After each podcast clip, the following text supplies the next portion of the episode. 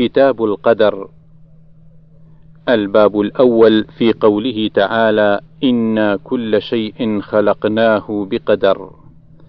1838 عن أبي هريرة رضي الله عنه قال: جاء مشركو قريش يخاصمون رسول الله صلى الله عليه وسلم في القدر فنزلت: يوم يسحبون في النار على وجوههم ذوقوا مس سقر.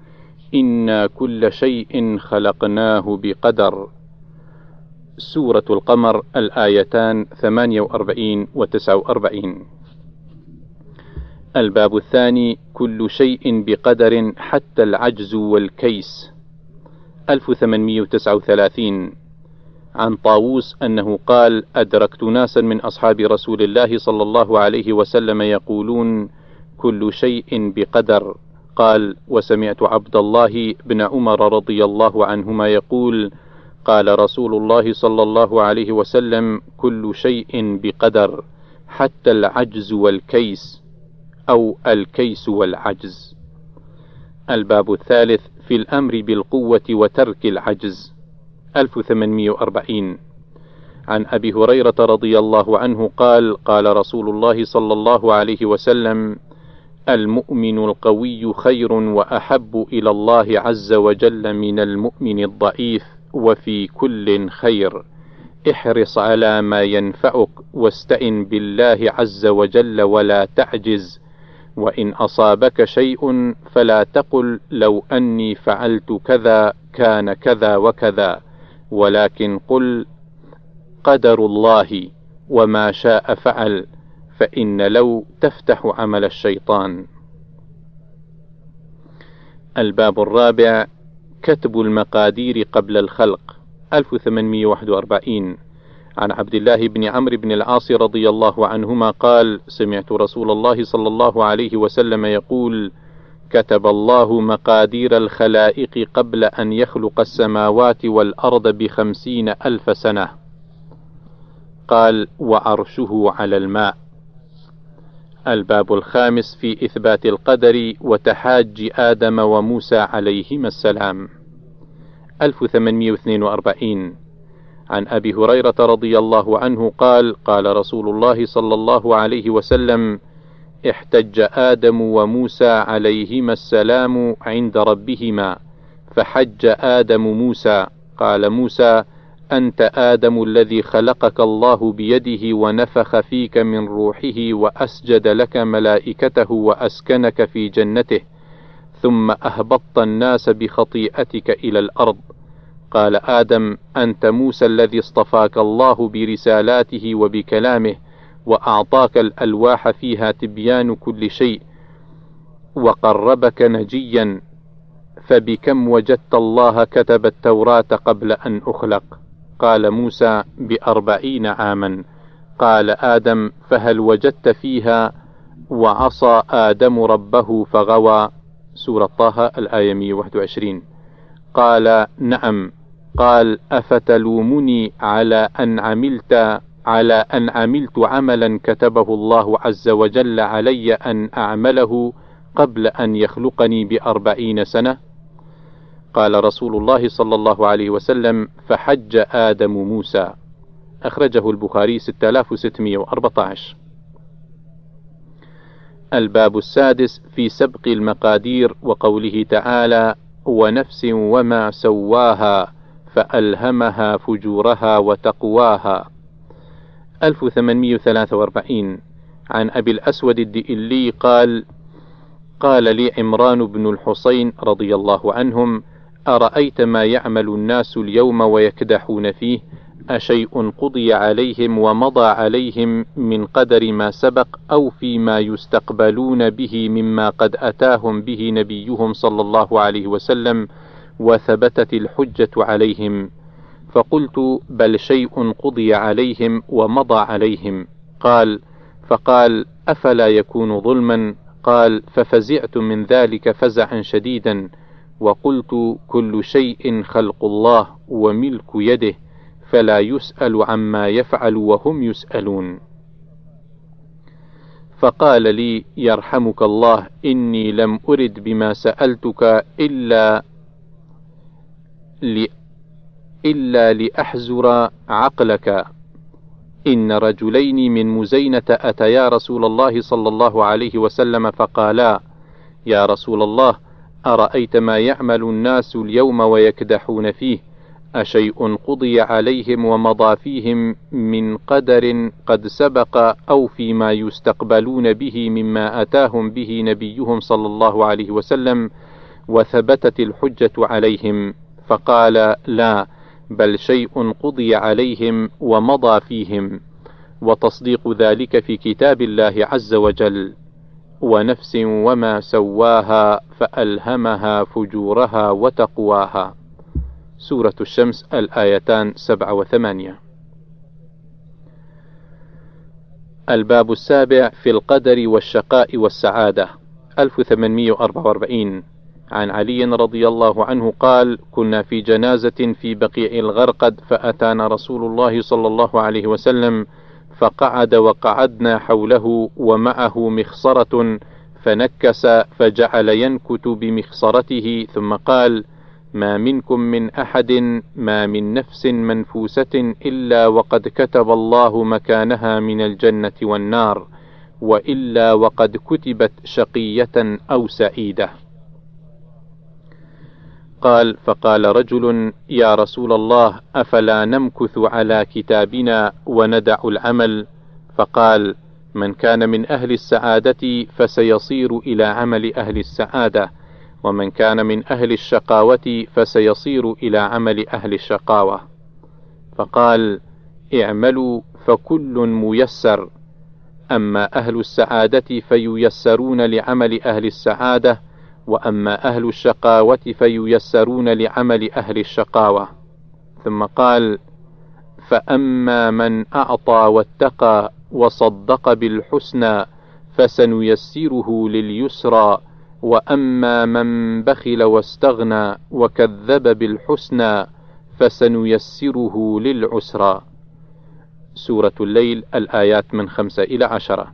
أخرجه البخاري 1362 الباب الثامن في خواتم الأعمال 1845 عن أبي هريرة رضي الله عنه أن رسول الله صلى الله عليه وسلم قال: إن الرجل ليعمل الزمن الطويل بعمل أهل الجنة ثم يختم له عمله بعمل أهل النار، وإن الرجل ليعمل الزمن الطويل بعمل أهل النار ثم يختم له عمله بعمل أهل الجنة. الباب التاسع في ضرب الآجال وقسم الأرزاق.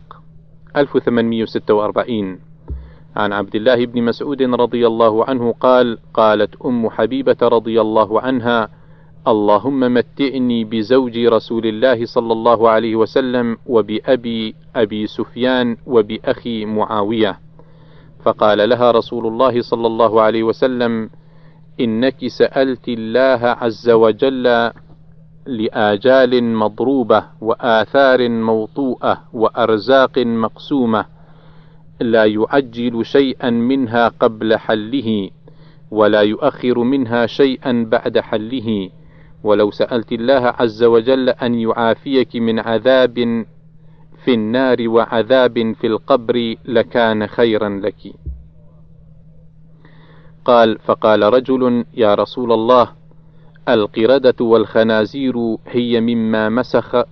فقال النبي صلى الله عليه وسلم إن الله عز وجل لم يهلك قوما أو يعذب قوما فيجعل لهم نسلا وإن القردة والخنازير كانوا قبل ذلك. الباب العاشر في الخلق كيف يخلق والشقاوة والسعادة. 1847 عن عبد الله بن مسعود رضي الله عنه قال: حدثنا رسول الله صلى الله عليه وسلم وهو الصادق المصدوق. إن أحدكم يجمع خلقه في بطن أمه أربعين يوما ثم يكون في ذلك علقة مثل ذلك ثم يكون في ذلك مضغة مثل ذلك ثم يرسل الله عز وجل الملك فينفخ فيه الروح ويؤمر بأربع كلمات بكتب رزقه وأجله وعمله وشقي أو سعيد. فوالذي لا إله غيره إن أحدكم ليعمل بعمل أهل الجنة حتى ما يكون بينه وبينها إلا ذراع فيسبق عليه الكتاب فيعمل بعمل أهل النار فيدخلها. وإن أحدكم ليعمل بعمل أهل النار حتى ما يكون بينه وبينها إلا ذراع فيسبق عليه الكتاب فيعمل بعمل أهل الجنة فيدخلها. أخرجه البخاري 3208 1848 عن حذيفة بن أسيد رضي الله عنه يبلغ به النبي صلى الله عليه وسلم قال: يدخل الملك على النطفة بعدما تستقر في الرحم بأربعين أو خمسة وأربعين ليلة فيقول يا رب أشقي أو سعيد؟ فيكتبان فيقول أي رب أذكر أو أنثى؟ فيكتبان ويكتب عمله وأثره وأجله ورزقه ثم تطوى الصحف فلا يزاد فيها ولا ينقص. 1849 عن عامر بن واثلة حدثه أنه سمع عبد الله بن مسعود رضي الله عنه يقول: الشقي من شقي في بطن أمه والسعيد من وعظ بغيره. فأتى رجلا من أصحاب رسول الله صلى الله عليه وسلم يقال له حذيفة بن أسيد الغفاري، فحدثه بذلك من قول ابن مسعود فقال: وكيف يشقى رجل بغير عمل؟ فقال له الرجل أتعجب من ذلك؟ فإني سمعت رسول الله صلى الله عليه وسلم يقول إذا مر بالنطفة ثنتان وأربعون ليلة بعث الله إليها ملكا فصورها وخلق سمعها وبصرها وجلدها ولحمها وعظامها ثم قال يا رب أذكر أم أنثى؟ فيقضي ربك ما شاء ويكتب الملك. ثم يقول يا رب أجله. فيقول ربك ما شاء ويكتب الملك. ثم يقول يا رب رزقه. فيقضي ربك ما شاء ويكتب الملك. ثم يخرج الملك بالصحيفة في يده فلا يزيد على ما أمر ولا ينقص. وزاد في رواية أسوي أو غير سوي. فيجعله الله سويا أو غير سوي. الباب الحادي عشر كتب على ابن آدم نصيبه من الزنا. 1850 عن أبي هريرة رضي الله عنه عن النبي صلى الله عليه وسلم قال: كتب على ابن آدم نصيبه من الزنا مدرك ذلك لا محالة، فالعينان زناهما النظر، والأذنان زناهما الاستماع واللسان زناه الكلام واليد زناها البطش والرجل زناها الخطى والقلب يهوى ويتمنى ويصدق ذلك الفرج ويكذبه. أخرجه البخاري 6243 الباب الثاني عشر تصريف الله القلوب كيف شاء.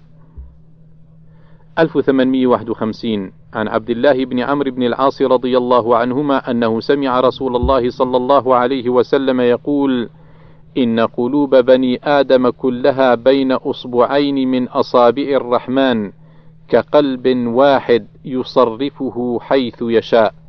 ثم قال رسول الله صلى الله عليه وسلم: اللهم مصرف القلوب صرف قلوبنا على طاعتك.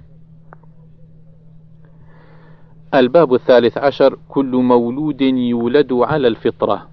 1852 عن أبي هريرة رضي الله عنه أنه كان يقول قال رسول الله صلى الله عليه وسلم ما من مولود إلا ويولد على الفطرة فأبواه يهودانه وينصرانه ويمجسانه كما تنتج البهيمة بهيمة جمعاء هل تحسون فيها من جدعاء؟